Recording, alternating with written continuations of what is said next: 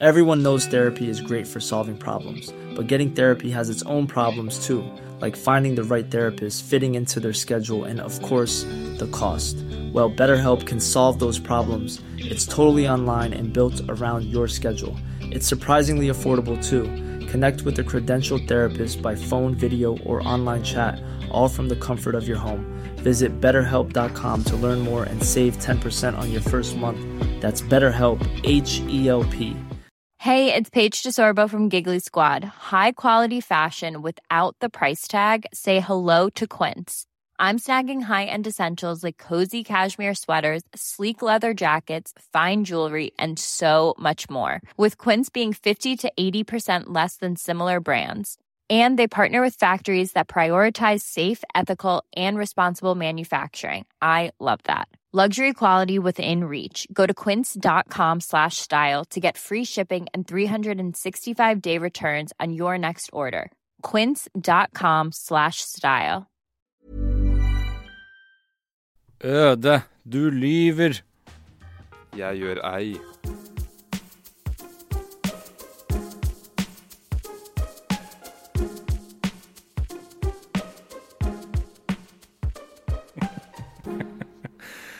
Ja. uh, vel, Kanskje den mest siterte Ibsen-sitatet. Er det det, tror du? Jeg vet ikke. I, Ja, i alle fall i norsk eh, skolegang så husker jeg, husker jeg at den Ja, den er veldig eh. Og jeg husker at den ble aldri, aldri forklart helt. Nei. Jeg synes det var så rart. Hvorfor, Hva er substansen i denne setningen, egentlig? Så banalt.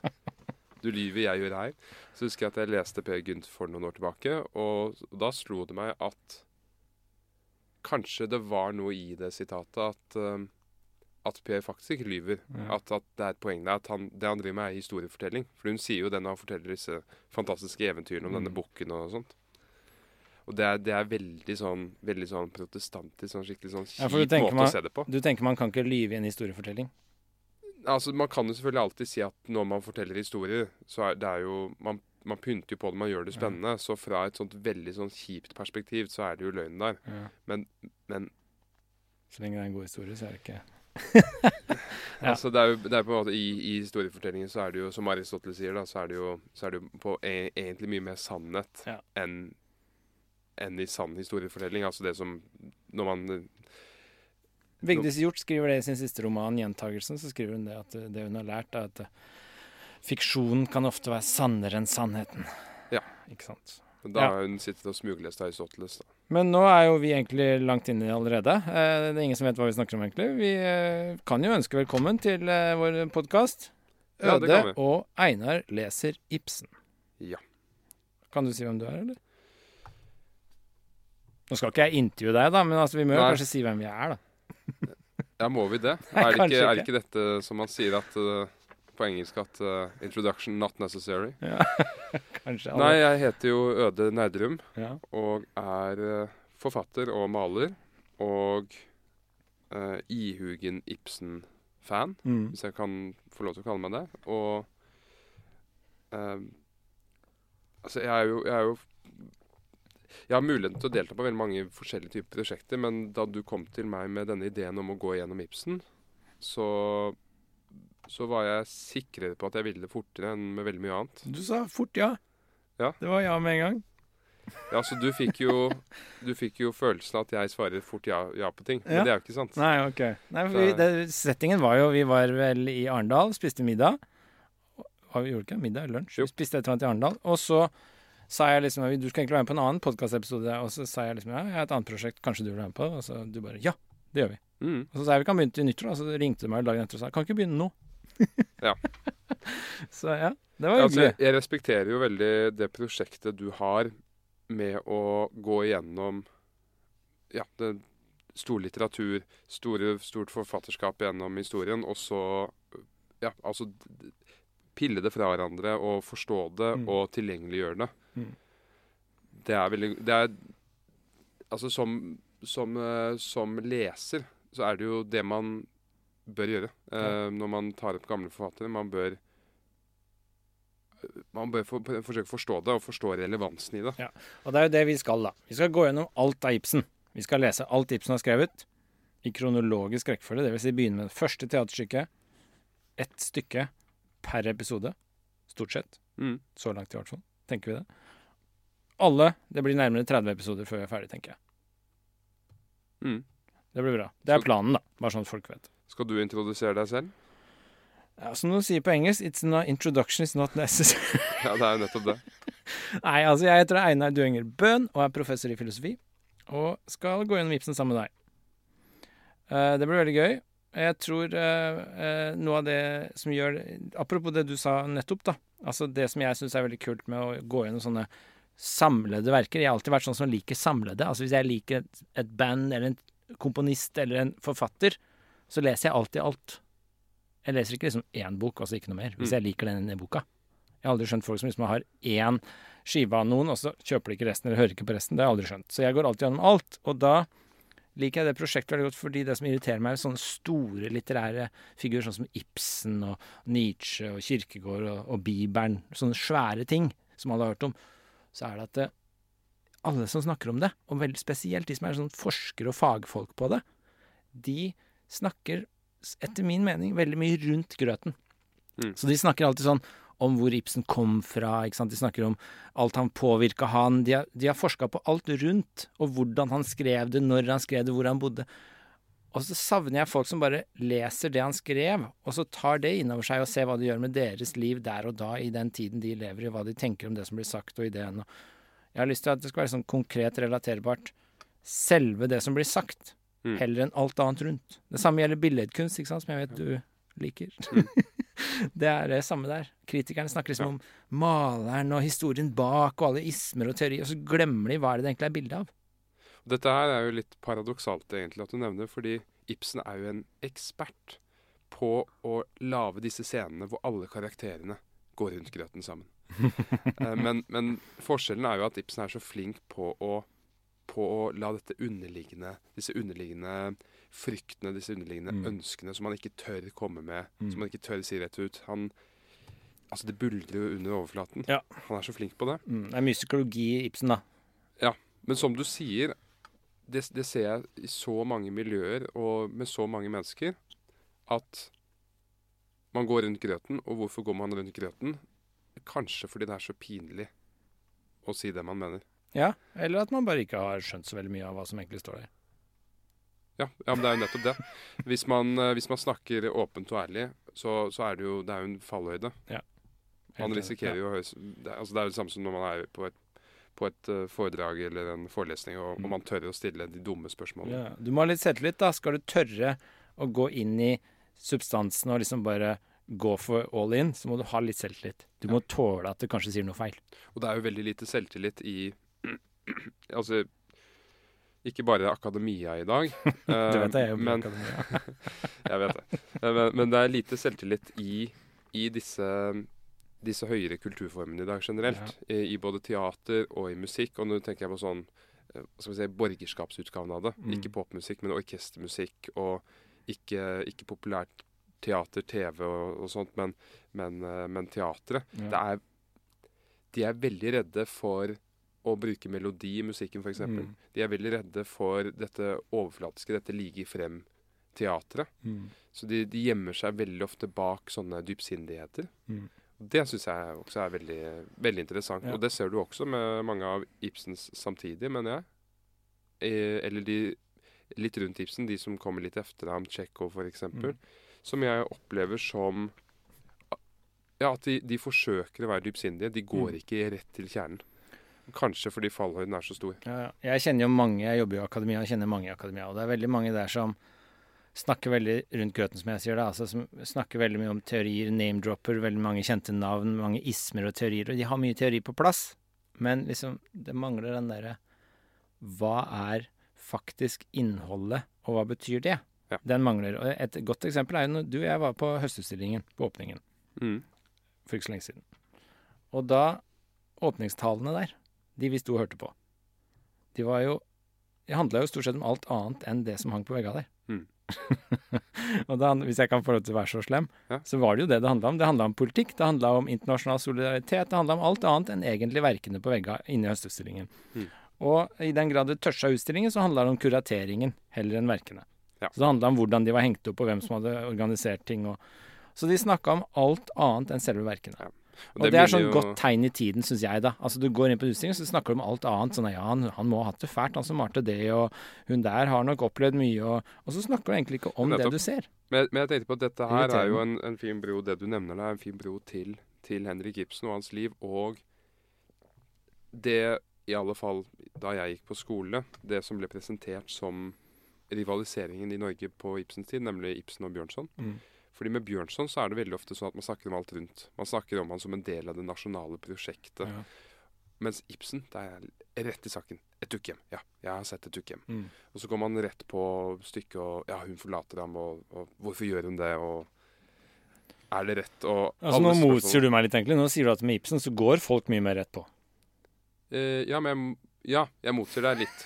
Men Det bra. Uh, uh, men dette er egentlig bare et kompliment til Ibsen. da. Ja. Men, men, nå mener jeg ikke nødvendigvis at uh, de som studerer Ibsen, gjør det. Mm. Fordi igjen, de, det er sånn ekstrem falløyde hvis du blir Ibsen-ekspert. Ja. Det å gå rett på sak og snakke om om det som skjer i stykkene. Mm. Altså, bare sånn at folk som lytter dette, ikke tror at vi er altfor arrogante. Mm. jeg tror at både du og jeg er enige om at denne type snublesten, dette med å snakke om ting rundt, det er noe vi alle kan, det er en felle vi alle kan gå i. Mm. Og, det er viktig at noen gjør det, selvfølgelig. Ja, hvis, hvis, ja, men da er det ikke å gå rundt grøten. Hvis man skal diskutere Ibsens liv, mm. f.eks., så går man ikke rundt grøten. Men hvis man skal diskutere et dukkehjem, og man bruker 75% av tiden på å diskutere livet hans, mm. så har man gått rundt grøten. Ja, det er helt enig. Det er det som irriterer meg. Det er det jeg syns skjer for mye. Så så igjen for at vi ikke skal virke altfor arrogante her og heve oss over alle akademikerne og alle som er det og sånn. Det er vi jo. Ja, vi er jo litt arrogante. Men det er iallfall viktig for meg å påpeke at, at det vi snakker om, det er en dyd. Dette med å holde seg til saken, det man diskuterer, ja. og ikke gå rundt. Ja. Det er av respekt til det man leser. Mm. Og det er jo mye morsommere. Ja, så Jeg har jo lest litt biografier om Ibsen nå for å forberede meg litt, og titta i to stykker. Og det, jeg syns jeg syns det er litt sånn uh, synes, Og da, i biografier er man jo naturlig nok opptatt av personen, selvfølgelig. Av mm. kunstneren. Uh, men jeg syns man på en måte ikke tar også, Når man går rundt grøten hele tiden, da, så tar man jo egentlig ikke det som blir sagt, på alvor. Man tar ikke liksom innholdet i det Ibsen skrev, på alvor. Man tar heller liksom Ibsen som person og hvordan han funka, og prøver å avsløre det. Mm. Uh, og det jo, har jo sin dyd, det er sin verdi, det òg. Men jeg er veldig opptatt av at vi i dette prosjektet, når vi skal lese alt av Ibsen nå, så skal vi ta det Ibsen sier, på alvor. Ja. Det er det som er målet vårt. Og så skal vi ta det han skriver, på alvor. Og så skal vi ikke bare gjøre det, men vi skal ta det innover oss. Så spørsmålet som du og jeg skal uh, prøve å få svar på, det er hva gjør Ibsen med oss? Er du enig? Det er jeg helt enig i. Hva får vi ut av Ibsen i dag? Som en motvekt så skal jeg ikke lese en Ibsen-biografi. Nei, det er bra. Uh, ja, ja, det har jeg faktisk tenkt litt på. Men jeg, jeg, har jo, jeg, har jo, lest litt om Ibsens liv mm. tidligere, mm. men, jeg, men, jeg, oppdaterer meg ikke på det. Nei, det er bra. Mm. Du titter litt på Bjørnson og sånn, du?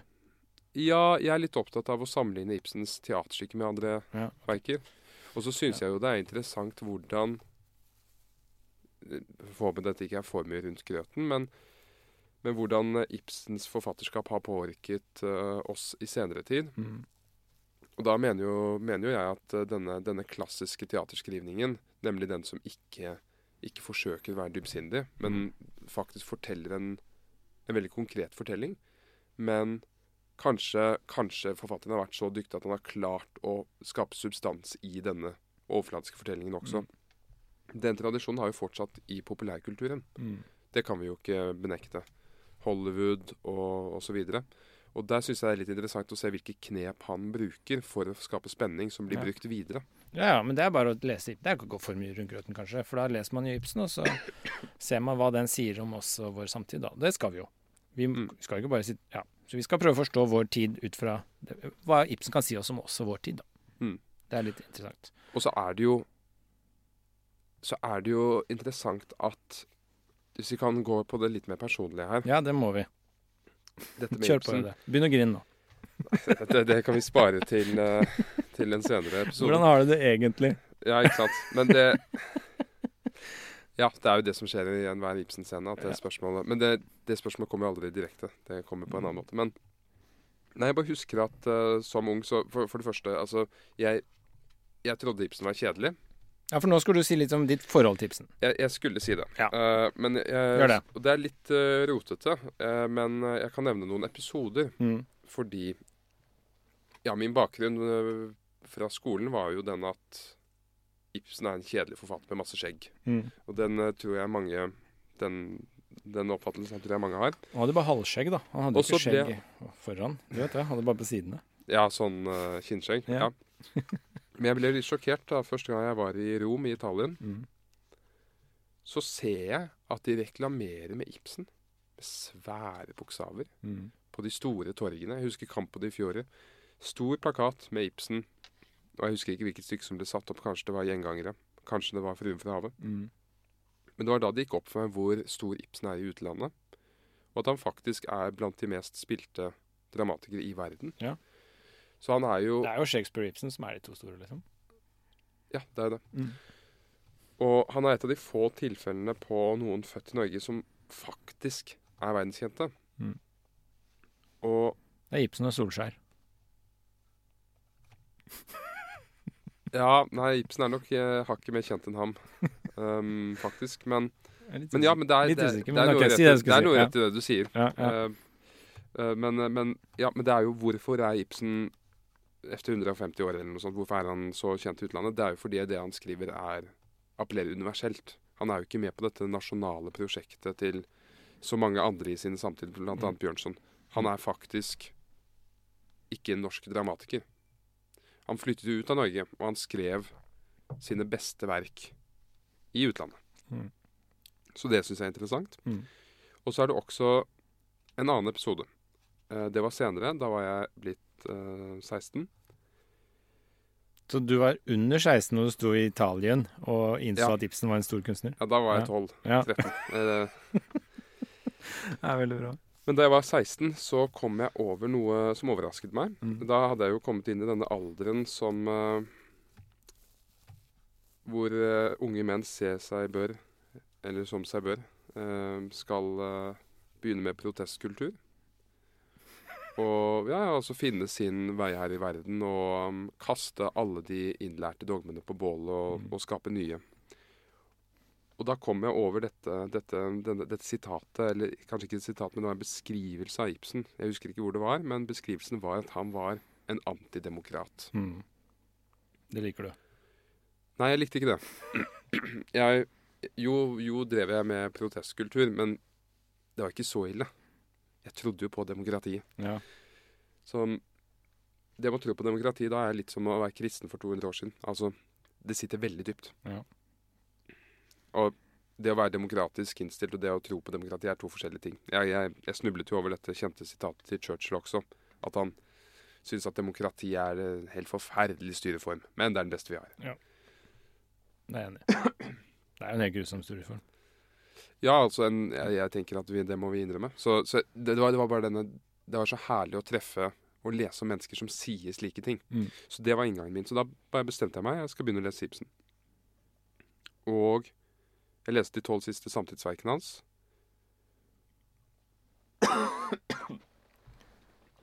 Og det var det som fikk meg til å begynne å lese.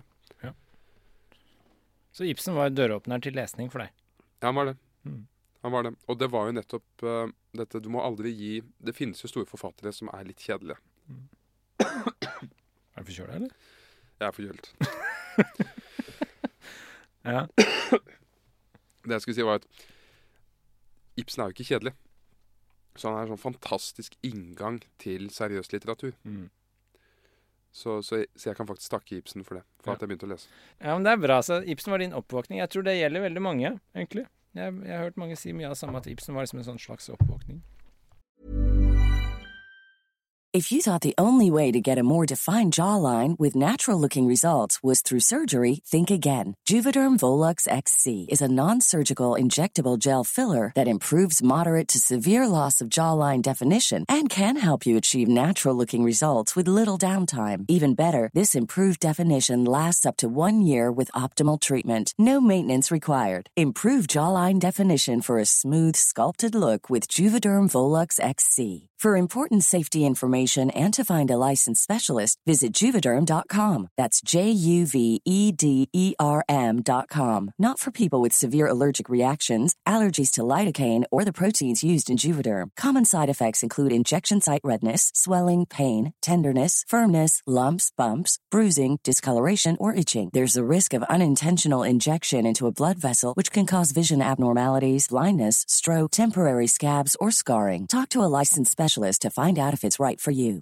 I'm Sandra, and I'm just the professional your small business was looking for. But you didn't hire me because you didn't use LinkedIn jobs. LinkedIn has professionals you can't find anywhere else, including those who aren't actively looking for a new job but might be open to the perfect role, like me. In a given month, over 70% of LinkedIn users don't visit other leading job sites. So if you're not looking on LinkedIn, you'll miss out on great candidates like Sandra. Start hiring professionals like a professional. Post your free job on linkedin.com/people slash people today. Men du da, Einar? Ditt forhold til Ibsen? Uh, du hadde jo det som en oppvåkning, og det samme gjelder jo egentlig meg, så det er jo interessant. Uh, uh, Ibsen er jo, som du sa, veldig verdenskjent for, forfatter og dramatiker. Og jeg var på videregående utvekslingsstudent i USA ett år.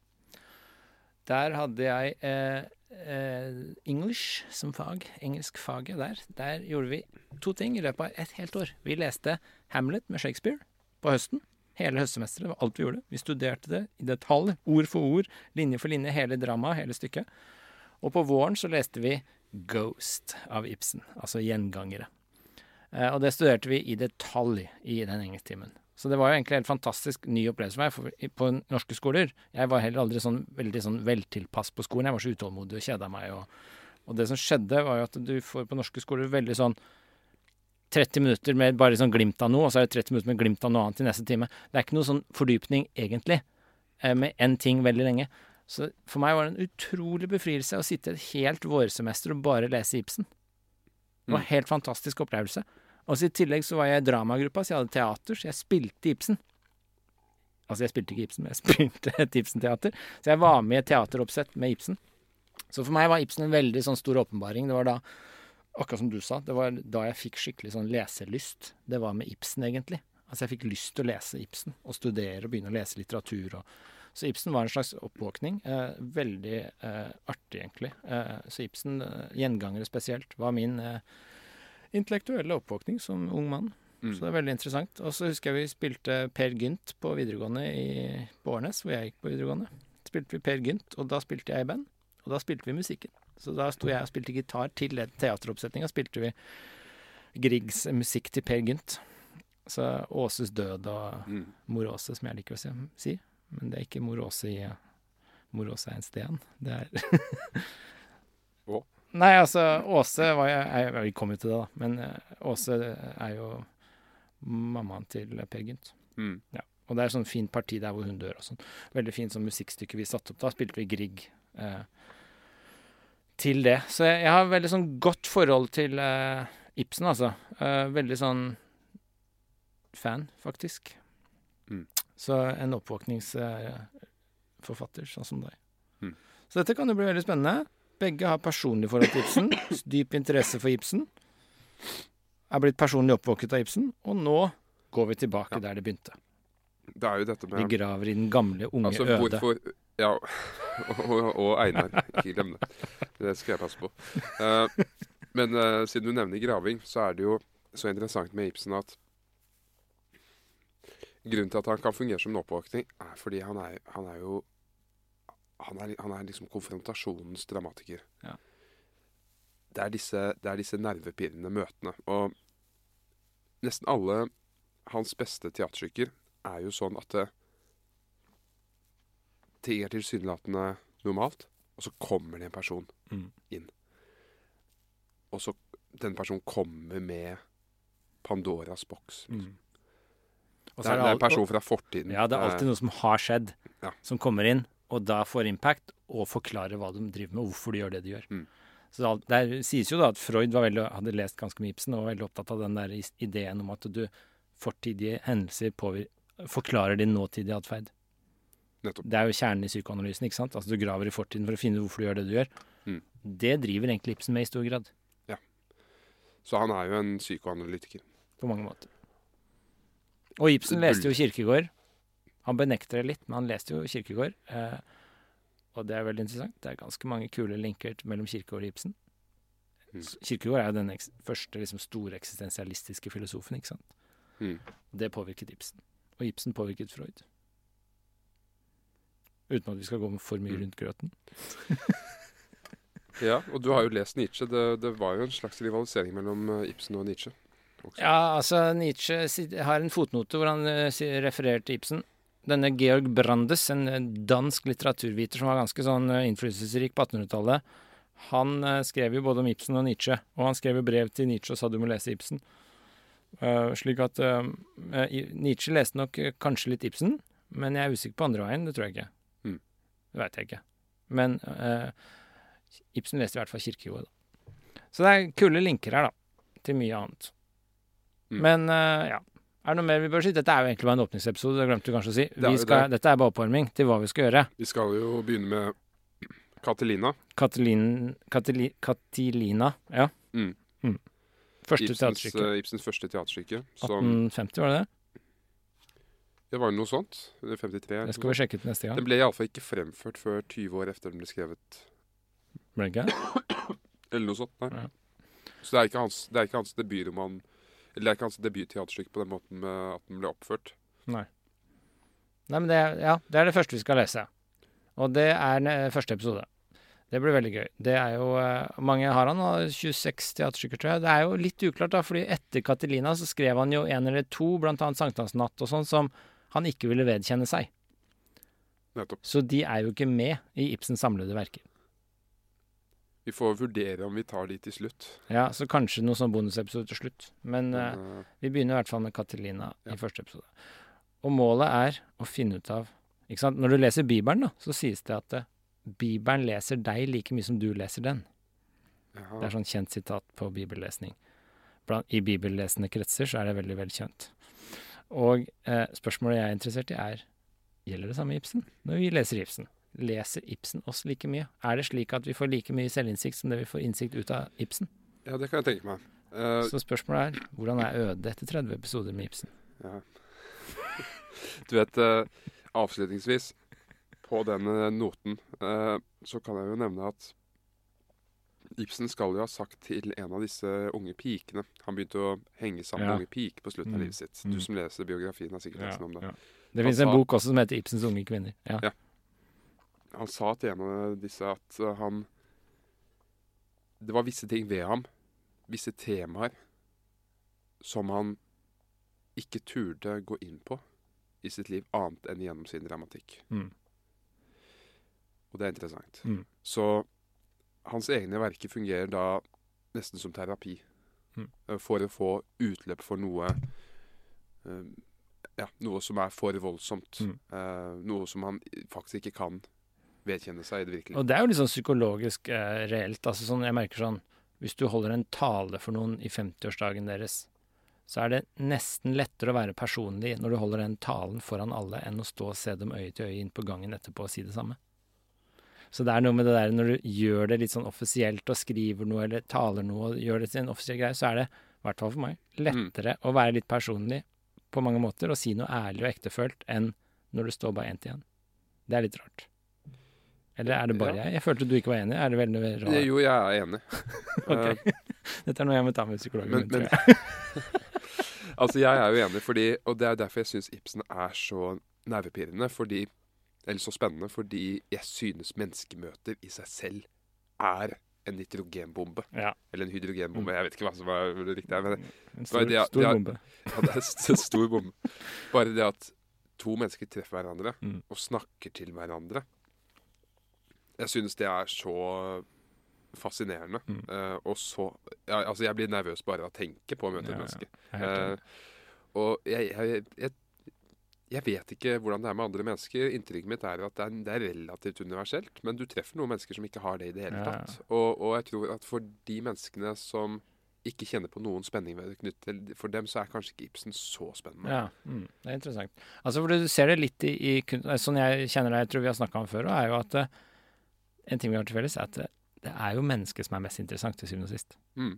Altså, jeg kan se på et maleri av en landskap, så kan jeg tenke det er flott, men hvis jeg ser et maleri av et menneske, så blir jeg litt mer interessert. Det Det er slik at det, det er alltid mennesket du synes som er interessant. Og i Ibsen så er det jo et studium av mennesket. Det er jo ikke et studium av naturen, liksom. Så Ibsen er jo en psykolog som vi var inne på tidligere. Hva heter dette fenomenet når man tror at man selv er den eneste i verden? Sol... sol narsissisme. nei, for det er Solipsisme er det du tenker på. solipsisme. Ja, ja. solipsisme. Jeg tenkte på Egentlig det beste argumentet mot solipsisme er jo Er denne Er denne spenningen man opplever i kontakt med et annet menneske. Mm. Så det er derfor uh, jeg ikke kan vedkjenne meg solipsisme. Jeg kjenner det, jeg kjenner det så sterkt. Og jeg tenker at Ibsen eh, Det som skiller Ibsen fra f.eks.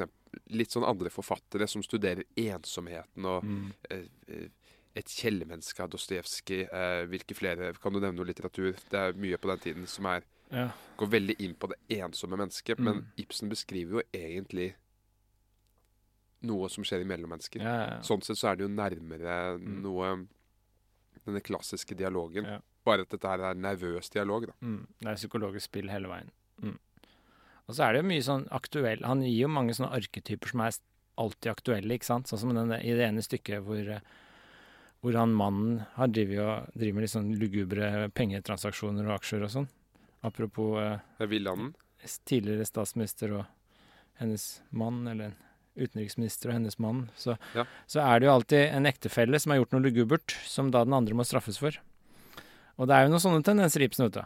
Så det er litt sånn interessante ting at du kan, du, du kan forklare og forstå det som skjer rundt deg, ut fra disse arketypene som Ibsen tegner Mm. opp. Og det er på en måte, syns jeg også er veldig kult, som vi kanskje glemte å nevne. Ja. Men så er det jo også dette med Dette aspektet med at dette forferdelige, dette forferdelige man opplever, eh, blir, blir din redning, eller det blir en renselse. For det, det jeg opplever også i flere stykker til Ibsen, er at f.eks. i et dukkehjem, dette må vi snakke om siden når vi Mhm. kommer til den, er at alle i det stykket har opplevd noe helt forferdelig nå. Mm. Bortsett fra Bortsett fra Thorvald og hun Nora. Nore. Mm. Fordi stykket handler om det de går gjennom. De går, de går gjennom det nå. Ja. Um, og de har ikke kjent Mm. virkelig smerte. Mm. De har ikke tatt disse oppgjørene. Mm. Det er det vi følger med på nå. Og alle de andre som har gått gjennom dette oppgjøret, de fremstår som mye mer modne. Mm. Og det er så sant. Du så må det er også et sånt positivt syn på, på dette forferdelige som Ja. Ibsen beskriver. At ja, har du kommet deg gjennom det, så er du vokst Ja. som menneske. Så det som ikke dreper deg, gjør deg sterkere. Ja, men, men problemet med den, det utsagnet der er jo at den er blitt brukt opp. Ja. Så den, den har mistet sin vitalitet. Ja. Den, det Så alle må ha et godt traume for å vokse som menneske. Ja, Vi må gjennom noe. men så er det jo dette I Ibsens teaterstykker så er det Han er jo opptatt av å beskrive disse traumene som ofte ikke løses. Ja. Som bare ender med et selvmord eller noe. Så eller spørsmålet vi skal stille oss avslutningsvis, er hvilke traumer er det vi Vi skal velge oss et traume som gjør at vi har klart å komme oss dit vi er i dag.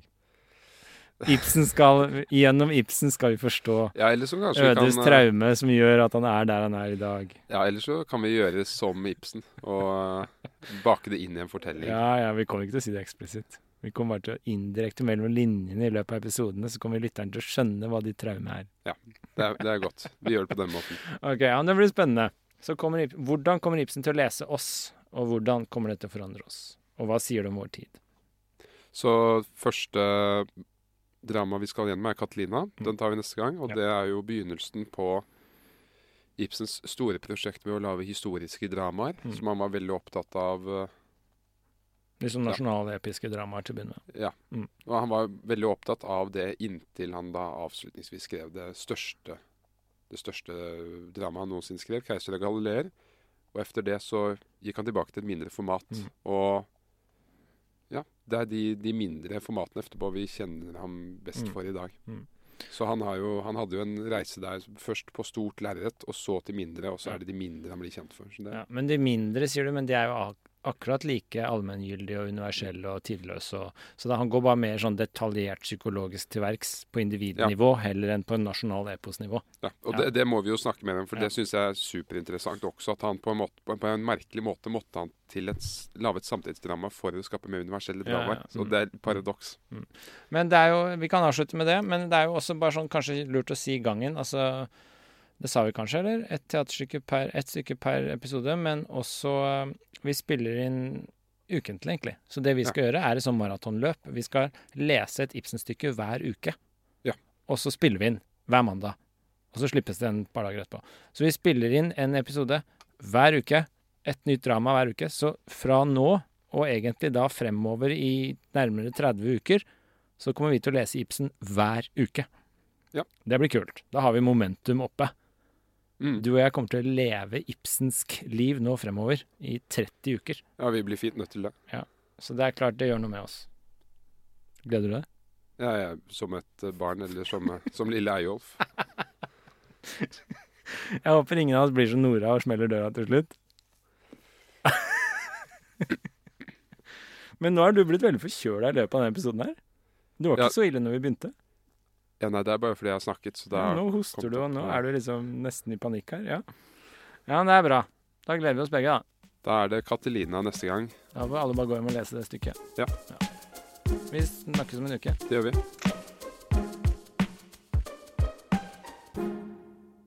Produsert av Klinge.